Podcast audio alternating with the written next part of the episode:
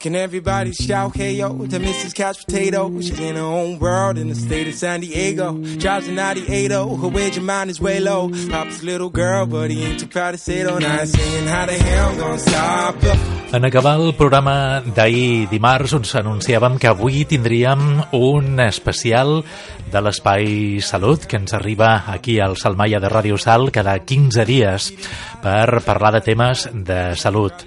El motiu d'aquest especial és la Marató de TV3 que arriba aquest proper diumenge dia 16 de desembre i que una vegada més comptarà amb la participació dels saltencs i saltenques que es reuniran a partir, esperem que sigui molta gent, com cada any, a partir de les 9 del matí fins a la 1 a la zona esportiva de, de Sal. Recordeu que enguany la Marató de TV3 està dedicada al càncer. Avui parlarem de la Marató, parlarem del càncer i per fer-ho, doncs, evidentment, tenim en primer lloc a la Pepa Gispert, tècnica de salut de l'Ajuntament de Sal. Bon dia, Pepa. Bon dia, Josep? Que avui ens arriba acompanyada de la Belén Pérez, que la vam tenir ara fa una setmaneta parlant d'higiene bucodental. Què tal, Belén, com estàs? Molt bé, aquí, tornant, repetint. Ens alegra tornar-te a rebre. I avui, a més a més, eh, eh, hem convidat a la Femi Montero, que ens donarà el seu testimoni en primera persona sobre aquesta malaltia de la qual versa enguany la Marató de TV3. No és així, Pepa? Sí, és així, Josep. Aquest any la Marató torna, perquè no és el primer cop que, que això passa, a tractar el tema del càncer. Eh, el càncer és una malaltia que mm, és més habitual eh, tenir-la al voltant, és a dir, qui més qui menys coneix alguna persona o té algun familiar que està patint o ha patit la malaltia i eh, per tant és una cosa que s'ha d'incidir incidir molt sobretot amb el tema recerca. Recordem que la Marató el que fa és recollir fons per la recerca d'aquesta malaltia i, per tant, mai n'hi ha prou. És a dir, on hi ha recerca es troben resultats, es milloren tractaments, es fan eh, diagnòstics més ràpids i, per tant, tot això són coses que eh, van en favor de la persona que en un moment donat pot patir una malaltia com és la del càncer. Mm -hmm. I que tothom som susceptibles de, de patir aquesta, tots, aquesta tots, malaltia. Eh? Tots, eh? En un moment donat eh, bueno, eh, tenim tota una sèrie de, de conductes de risc que mm. són les que poden afavorir l'aparició d'algun tipus de tumor. Eh, per altra banda, hi ha factors genètics en els quals ja no tenim nosaltres el control, eh, però per altra banda, doncs, tot el que siguin hàbits saludables són, són coses que cal tenir en compte i, per tant, eh, bueno, s'ha de vigilar, eh, d'evitar mm. aquestes conductes de risc. Anirem parlant al llarg d'aquesta estona. Doncs per on eh, et sembla que comencem, Pepa? Bueno, ja que tenim una, una convidada tan valuosa com és la, la Femi, eh, amb l'ajuda de, la, de la Belén, que ja la tenim aquí de resident gairebé. Eh, gràcies, Belén, perquè eh, sempre està a punt la Belén. Eh? Quan, mm. quan necessitem per molts de temes sempre està a punt. Doncs eh, bé, doncs jo aniria a parlar directament amb la Femi. La Femi és eh, una noia de Sal, Sí. Eh? Uh, que va ser diagnosticada d'un càncer de mama uh, uh -huh. l'any 2015. Exacte, veritat? sí. Com és el moment de la diagnosi? Com és el moment que tu et trobes en què el metge et diu mira, passa això? Bé, doncs d'entrada no t'ho creus perquè no penses que puguis tenir una malaltia com, com aquesta, no? I més quan, de fet, ets jove, no? Sempre relacionem amb moltes vegades amb més gent més gran, tot i que el càncer no té edat. No té edat, no? Pot ser un nen, un adult o... I bé, doncs d'entrada sorpresa i molta por. Por perquè desconec la malaltia el tema de la desconeixença de la malaltia. Jo, hi ha una cosa que, que ja, quan t'he conegut fa 5 minuts, però ja, ja te la volia preguntar. Quan, quan arriba el moment de la diagnosi, la gent diu, uf, hi ha un canvi de prioritats a la teva vida. Eh? És a dir, fins ara mm, teníem unes prioritats, a partir del moment de la diagnosi sí. les prioritats canvien. És cert això? Canvia? Sí, canvia perquè, bueno, sempre anem corrents, no? Tot, a, tot arreu, amb presses i mm, vivim però clar, no vivim dient, ostres, doncs, valorant les coses i gaudint no? del que hauríem de gaudir.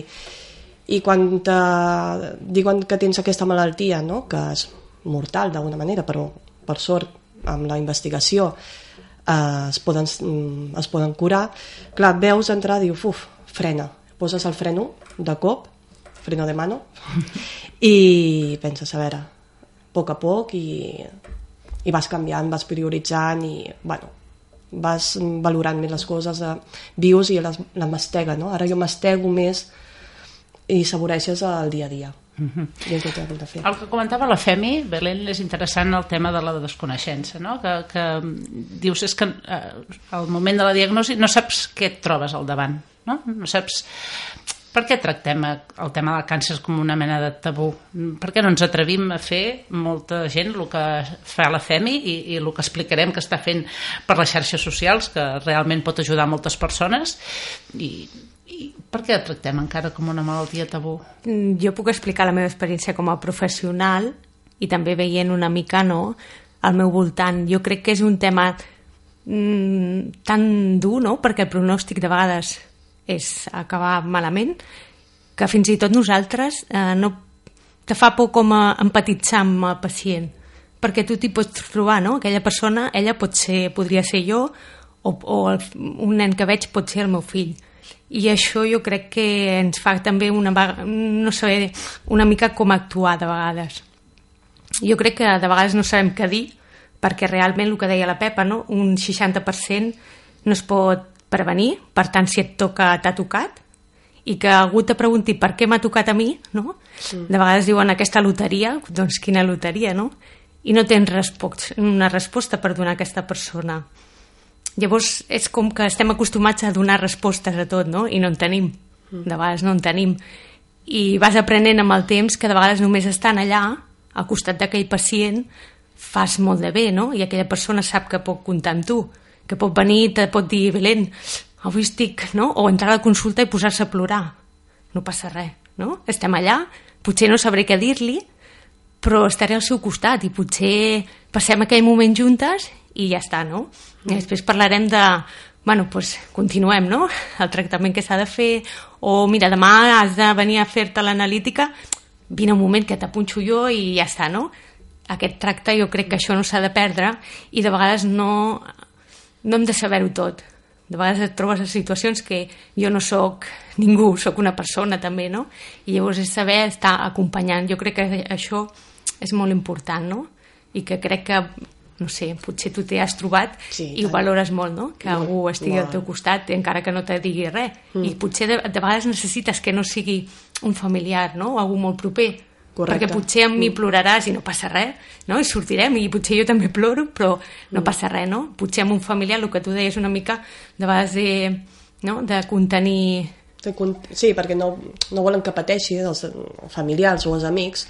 Mm, jo no volia que em veia, eh, gent que, estigui, que estava patint, no? I, bueno, tu quedes per, més per dintre, però el que dius, algun professional sanitari doncs, per exemple, on estava jo a l'ICO, doncs les infermeres d'allà doncs, ho podies dir tot mm, i t'entenien, no? perquè bueno, estan també acostumades. No? I bueno, simplement que t'escoltaven i el suport, doncs, és veritat, eh, és molt important. Per tant, entenc que aquestes respostes que parlava la, la Belén, que a vegades no són capaços de donar, tu les vas trobar en el, en, amb els professionals sanitaris que et van sí, atendre? amb l'ICO, sí, sí, la veritat que mm, jo se'n deia els meus àngels, no? perquè bueno, o simplement una mirada, ja està, ja era suficient, no? De mirava i diu, com estàs, com te trobes, ja, ja ho sé, ja estàs cansada, tal.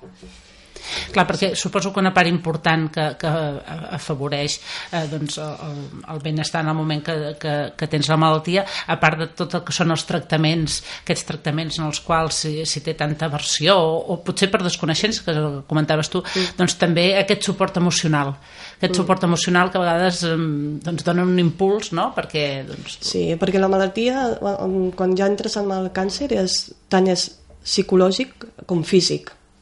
És un còctel, i clar, emocional i tant I físic com psicològic. I, Bueno, i el fet, suposo, d'estar en benestar emocional t'ajuda també a superar no? els tractaments aquests que, que Home, comentàvem. sí, és important. Sí. Eh? Una actitud positiva i tot, i que vulguis és molt important, ajuda si més no s'ajuda a tirar endavant. Mm. Jo el que podria preguntar, i m'adreço especialment a la, a la Belén, també en el seu cas, que, que ho expliqui la, la Femi, Pepa, si em permeteu, és que suposo que quan hi ha una diagnosi d'un tipus de, de, de càncer, aquí a, a nivell sanitari es posa en marxa un, un protocol que contempla segurament també el suport psicològic, no sé eh, com, com funciona aquí. Des de primària, clar, la detecció és quan és molt al principi, i potser eh, realment mm, no ho vius tant, no és, un, no és una unitat tan especialitzada amb, amb el càncer. I llavors nosaltres tractem des del primer moment, sí que hi ha psicòloga que pots demanar un reforç, però segurament no, la, ella ho sabrà millor quan, quan es deriva al servei especialitzat, allà sí que suposo que comença una xarxa. Jo conec des de l'Hospital de Vall d'Hebron que tenen una, un servei per nens uh, pal·liatius i que sé que funciona molt bé i és un, un equip multidisciplinar. Jo parlo d'aquesta part perquè jo estic a pediatria i potser és la que més conec, però segurament... Sí, a l'ICO, aquí al Trueta, i des de minut 1 tens uh, psicòleg, vale? i ho pots, quan tu, bueno, al moment que tu necessitis ho pots, uh, ho pots sol·licitar i, i, bueno, i tens uh, el recolzament de psicòleg. Clar, tot és, és, també és molt personal de cada un com ho, com ho porti. Jo al principi no, bueno, creia que no ho necessitava i després, doncs, eh, conforme anava passant el tractament, doncs, mm, al igual que feia un any, dic, ostres, ara ho necessito. I bueno, ho vaig sol·licitar al meu oncòleg, dic, mira, crec que necessito una ajuda i cap problema, l'endemà ja em van trucar, vinga, dia i hora i, i estan a la disposició des de minut 1 que diuen que tens el càncer. Sempre hi són. Però és molt personal, eh? també per cada un ho porta d'una manera. A part de tot el que trobes, diguéssim, eh, amb els serveis assistencials, eh, amb els serveis sanitaris, suposo que un cop, eh, un cop pateixes la malaltia, doncs, com a persona busques recursos a sota les pedres. Eh? I bueno, doncs hi ha gent que es dedica a fer unes activitats, unes altres.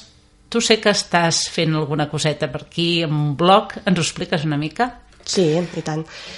Doncs bé, mm, com us deia jo al principi, quan van dir bueno, que estava patint la malaltia i estava fent el tractament, doncs com m'acostava, m'acostava molt expressar-me i com no volia que el meu, eh, la gent del meu cantó eh, pateixi, que, que, que estiguessin patint per mi doncs eh, jo ho escrivia tot, agafava l'ordinador, estava sola a casa i anava escrivint, escrivint tot el que en aquell moment sentia com, com vivia la quimioteràpia, com la radioteràpia, tots els meus sentiments, fins que un dia doncs, el meu home ho va veure i es va emocionar i va dir, ostres, doncs està molt bé, mm, crec que ho hauries de publicar, no?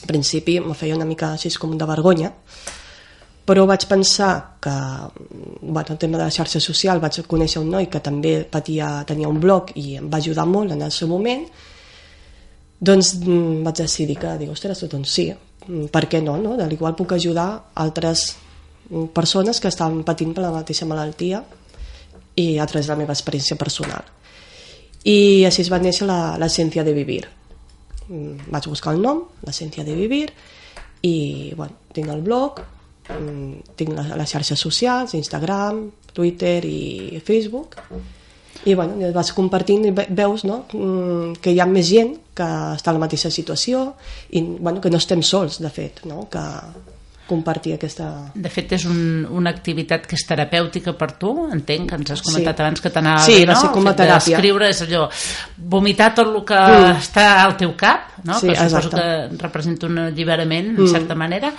i ajudes a les altres persones. Vull dir que eh, el benefici en aquest cas mm -hmm. és, és, molt, és molt gran per tothom. A mi m'agradaria fer-te una pregunta quan la gent no, es comunica amb tu i te demana consells o què és el que més veus que la gent necessita, no? Quina és la pregunta que surt més o què, què veus no, amb la gent? Sí, doncs sobretot les noies que estaven també amb el càncer de mama eh, els hi preocupa molt, moltíssim quan inicien el, el tractament de la quimioteràpia el tema de la caiguda del cabell, que sentiran, si fa mal, si no fa mal. Té unes inquietuds normal perquè el que diguem, no? que no coneixem el tractament i fins que no t'hi trobes, clar, fins que no ho pateixes. I la pregunta molt freqüent és aquesta, no? que, ai, mira que he vist el teu blog, ara començo, ara inicio aquest tractament, uh, tal dia començo la quimioteràpia, com és, i, i quan se m'acaurà el cabell, i quan triga a tornar a sortir, no? Això és uh, número número uno. N'ets conscient de la tasca social sí. que estàs fent. I clar, sí, les entenc perfectament perquè clar, Clar. he estat en aquella situació. Clar. I bueno, et tranquil·litzes, vale, i, bueno, jo sempre dic la meva experiència, però clar, és el que m'ha passat a mi, però igual un altre ho viu diferent. Ja, però... Seguint amb el tractament, però pots tenir efectes secundaris Jo crec que és molt important perquè de vegades nosaltres, no? ara estava pensant, això li pot preguntar quan està no? a, amb el seu oncòleg o li pot preguntar a la seva infermera, però realment de vegades necessites que t'ho digui algú que ho ha patit, Exacte, no? Perquè exacte. potser jo, no sé, Sí, li diré sí, d'una sí. manera i tu li podràs explicar d'una altra que Mm. realment serà més efectiu, vull dir que jo crec que és Bueno, molt el fet de important. conèixer algú que pateix la mateixa malaltia que tu, amb les causístiques diferents i amb les característiques diferents de cada individu, però sempre ajuda, no? I coses que, que per una altra banda poden semblar doncs, eh, relatives, doncs s'hi pot donar una importància més, més o menys, no? Mhm. És a dir, Clar, o preguntes que potser li fa, no? Pot pensar, bueno, això és com molt secundari, no?, la caiguda del cabell, però ella sap que És- una persona que sí, ho ha patit sí, és, i és important. molt tot, important. Tot influeix. Tot, mm, coses que igual el de fora diu bueno, no li dona importància, però quan estàs dintre dones molt importància. Igual que les ungles dels peus, te cauen la de les mans, eh? i dius que no, tonteria, no. Ja, cre ja creixerà, sí, però no. no, no. Quan estàs, uh, ho vius, uh, ho pateixes i és molt dur tot. Tu vas fer el que fa potser el 85-90% de la gent de quan et van diagnosticar anar-te a internet i agafar el Google i buscar? Tens la... Sí, de seguida... Um, ho intent... Sí, el primer que t'ha passat... va- Vaig a mirar. Però de seguida vaig, vaig, vaig tancar. Vaig dir, no, no, no, no, perquè, bueno... Ja me van dir, eh? No ho miris, no ho miris, però tens la intenció de seguida de fer-ho i vaig tancar, vaig pensar, bueno, anem pas a pas i... Perquè, clar, igual que els oncòlegs, bueno, el metge, no? L'oncòleg, mm, quan t'ho diuen tampoc t'ho- te diuen tot els efectes, perquè si t'ho diuen tot surts corrents d'allà Sí. i t'ho van introduint de mica en mica i bueno, també te- t'hi vas trobant no? les Per anar-ho coses païnt. Sí, a vegades, Sí. no? Clar, si preguntes, Que- si te sí. contesten. Per tant, Sí, no, ja te van frenant, no? Perquè clar, tens la necessitat de saber, saber, i què m'ha passat? Bueno, a poc a poc, ja veuràs, ja... no t'ho diuen tot perquè... bueno, a poc a poc, amb Poc temps d'anar-ho païnt. Eh? Sí, tant. molt bé. Com comentàvem al principi, Belén, és molt important seguir tota una sèrie de- d'actituds saludables eh? Mhm. i evitar certs factors de risc per eh, no eh, desenvolupar. És a dir, aquests punts els podem controlar, per tant, hàbits Exacte. de vida saludables, fora tabac, seria Sí. un dels més Podríem- importants, potser? sí. Ens diuen que un 40% es pot prevenir, per tant, jo crec que aquest 40% s'ha de lluitar i és un tant per cent important, no? Mhm. Ja que sobre el 60 aquest altre que no sabem, doncs per aquest 40 hem d'anar per totes. Uh, un, com dius bé, Pepa, eh, seria no fumar, està relacion, molt relacionat amb el càncer de, de pulmó. L'altre seria l'activitat física moderada, seguir una dieta saludable, tenim la dieta mediterrània, potenciar-la, eh, menjar peix, fruita, verdura, evitar l'exposició excessiva al sol, hem de vigilar, no? està com molt de moda, arriba l'estiu, tothom vol estar molt moreno i no ens cuidem la pell. La pell té una memòria, vull dir, no val dir a partir d'aquest any, l'any que ve ja em posaré molta protecció, No. no serveix gaire, Se'n recorda el que fèiem als 15 anys, eh? totes les vegades que ens hem cremat, allò està allà, no? Ara trobem molta gent que ha treballat al camp, no? gent gran, que, que té melanomes, que té càncers de pell a la cara, perquè, clar, llavors en aquells moments no, no es valorava això, però ara que ho sabem, doncs eh, hem de cuidar molt la pell. Una altra cosa que podem fer és vacunar-nos. Les vacunacions a data d'avui no són, són recomanades, no són obligatòries, però sí que val la pena. Tenim a sisè, vacunem a les noies que estan que tenen 12 anys, eh, els, eh, posem la vacuna del papiloma humà, que és per prevenir el, el càncer de cèrvix, i crec que és una eina molt important i que hem de fer molt poc. I tenim la sort de que està finançada i la podem posar gratuïtament a, a, a, a les nenes d'aquesta edat. Eh? Si més adultes ho volen, llavors em sembla que ja no està finançada, l'han de comprar i es pot posar igual. Eh?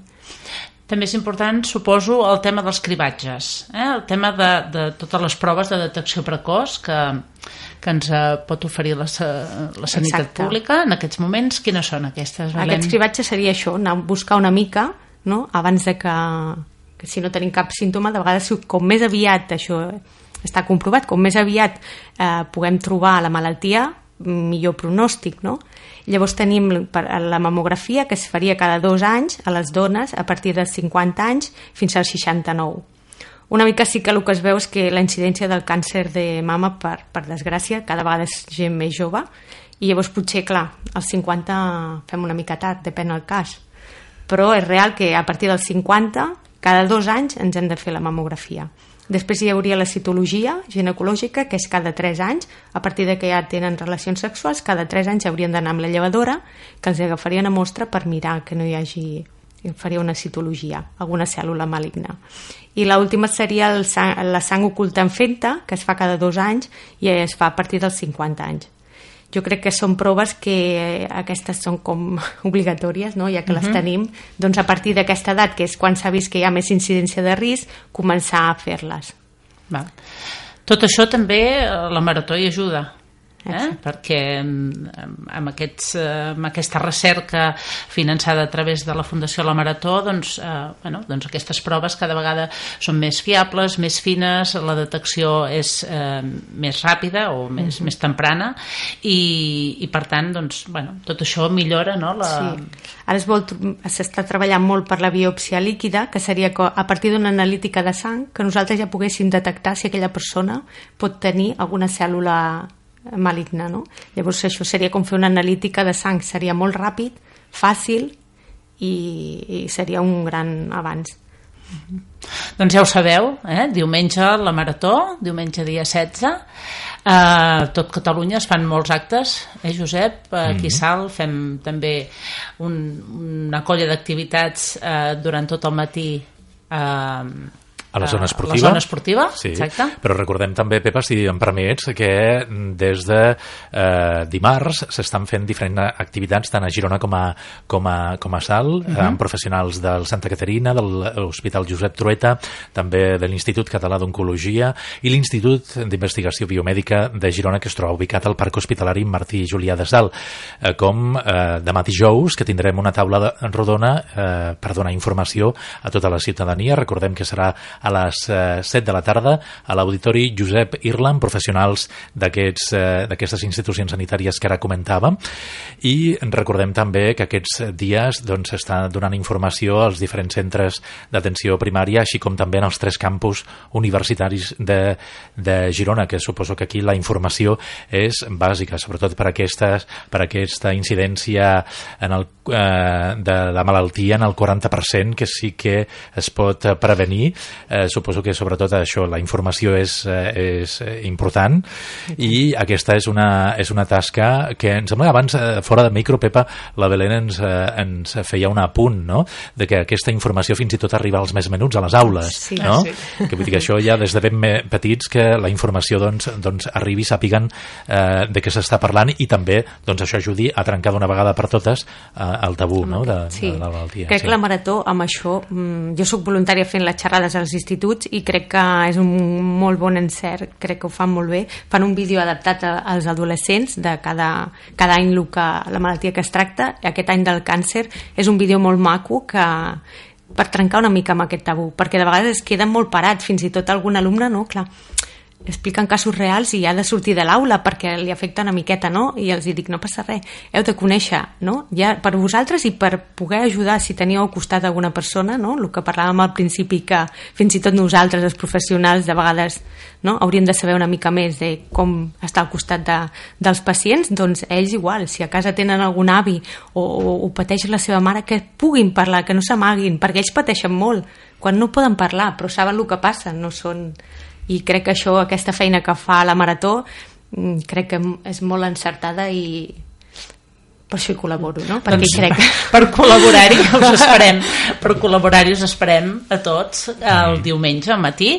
Estarem a la zona esportiva del Pla a partir de les 9 del matí fins a la 1. Eh, hi haurà activitats pels nens, hi haurà mini tenis, kayak polo, una masterclass de zumba feta per tres monitores de, de l'UE Sports, eh? l'Anastàcia, l'Alba i la Melissa i eh, a més tindrem una caminada de marxa nòrdica per les nostres estimades deveses de sal, mm -hmm. eh, dos recorreguts, un de més llarg i un més curt, tallers de maquillatge pels nens petits, eh, patinatge, volei platja, és a dir, de tot. Eh? Un sorteig de regals, per tant, la Belén segur que serà, sí, sí. la Femi També. li esperem. Eh? I. Estarem tot el matí per allà, a més el temps ha dit que farà molt bon temps, per tant, gaudirem d'un matí ple d'activitats i, sobretot, un matí solidari, eh? que es tracta d'això. Tindrem eh, la col·laboració d'Oncolliga i l'Associació Espanyola contra el Càncer, Catalunya contra el Càncer, juntament amb els professionals del CAP de Sal, que estaran allà també per ajudar a les persones informar de l'existència d'aquestes associacions com a suport per les persones que pateixen aquesta malaltia i les seves famílies i per tant doncs, també faran una tasca de divulgació eh, de, de tot el que són hàbits saludables i preventius. D'acord Josep? Per tant, mm, res més a dir, donar moltes gràcies a la FEMI per haver vingut amb aquesta claredat, haver-nos explicat la seva experiència amb la malaltia Recordem el blog laessenciadevivir.com eh? no us el perdeu. Eh, en ella li va ser molt terapèutic i eh, també esperem que ho sigui pels demés. A la Belén, també moltes gràcies Belén, fins a la propera que no crec que tardem gaire. Molt bé. i res més Res més, a tothom eh, que pugui participar a la zona esportiva Correcte. de salt que, que s'hi adreci i tothom que pugui doncs, també doncs, aportar el seu granet de sorra a la Marató de TV3 a través de les donacions. Recordeu que la setmana passada, Pepa, fins i tot l'Institut de- d'Investigació Biomèdica de Girona, ubicat aquí a Salt, recordava que vuit de les investigacions que es troben en actiu en eh, l'actualitat doncs, han rebut fons de la Marató de, de, de, de, de, de TV3, que, que aquells diners, evidentment, eh, van a, a diferents eh, estudis, investigacions sobre, sobre malalties, entre elles eh, el, el càncer. Doncs eh, anima tothom a participar i Pepa, no sé si volies afegir alguna cosa més. No, ja està. Eh? Uh -huh. L'institut que es troba al, al recinte de l'hospital eh, del Parc Hospitalari Martí Julià, eh, recordem que hi ha moltes línies d'investigació amb malalties de diferents tipus i per tant penseu que tot el que anem recollint, eh, molta cosa caurà per aquí i tot serà en benefici de, de tots i totes. I tant. Mm? Per tant, tots a la Marató, diumenge, tots a la zona esportiva al Pla, a ballar Zumba, Josep, marxa nòrdica o Zumba? No, no, no vaig equipat, m'hauré de comprar alguna peça de roba. Eh, Pepa, què anava a dir? Eh, es pot eh, desvetllar la figura que es farà a tres quarts d'una eh, per fer la fotografia aèria? Això ho podem saber ja? No, sí? No? no es pot desvetllar encara. Va. No es pot desvetllar. Ho sabrem el mateix dia, no? Ah, exacte. D'acord, però tot està preparat ja. Tot a punt, tot a molt punt. bé. doncs que vagi molt bé. M- Agrair novament la participació en el programa d'avui a la Femi Montero per al seu testimoni. Moltes gràcies, Gràcies a Femi. vosaltres. I a la Belén eh, Pérez, eh, una vegada més en aquest programa, i totes les que vulgui doncs, eh, a participar i gràcies per aportar eh, doncs, eh, tot eh, el teu coneixement eh, professional en els espais que, que fem cada 15 dies amb la Pepa Gisper. Pepa, fins la propera, que serà ja el 2019. Sí, tanquem any, Josep. Tanquem Doncs- any, ens veiem el 2019 i esperem... Bueno, potser haurem de fer un, un programa, el primer del 2019, de, de què passa després de les festes. Ahà. Eh? Que ve la nyonya, que Sí. ve... Uf, Sí, eh, després de passar-s'ho bé, doncs, costa eh, us aixecar-te, renyarem. Eh? Els àpats nadalencs, Sí. tot això, eh? Molt bé. Doncs aquí serem. Eh, gràcies i fins la propera. Gràcies. A nosaltres. Feliç any nou a tothom.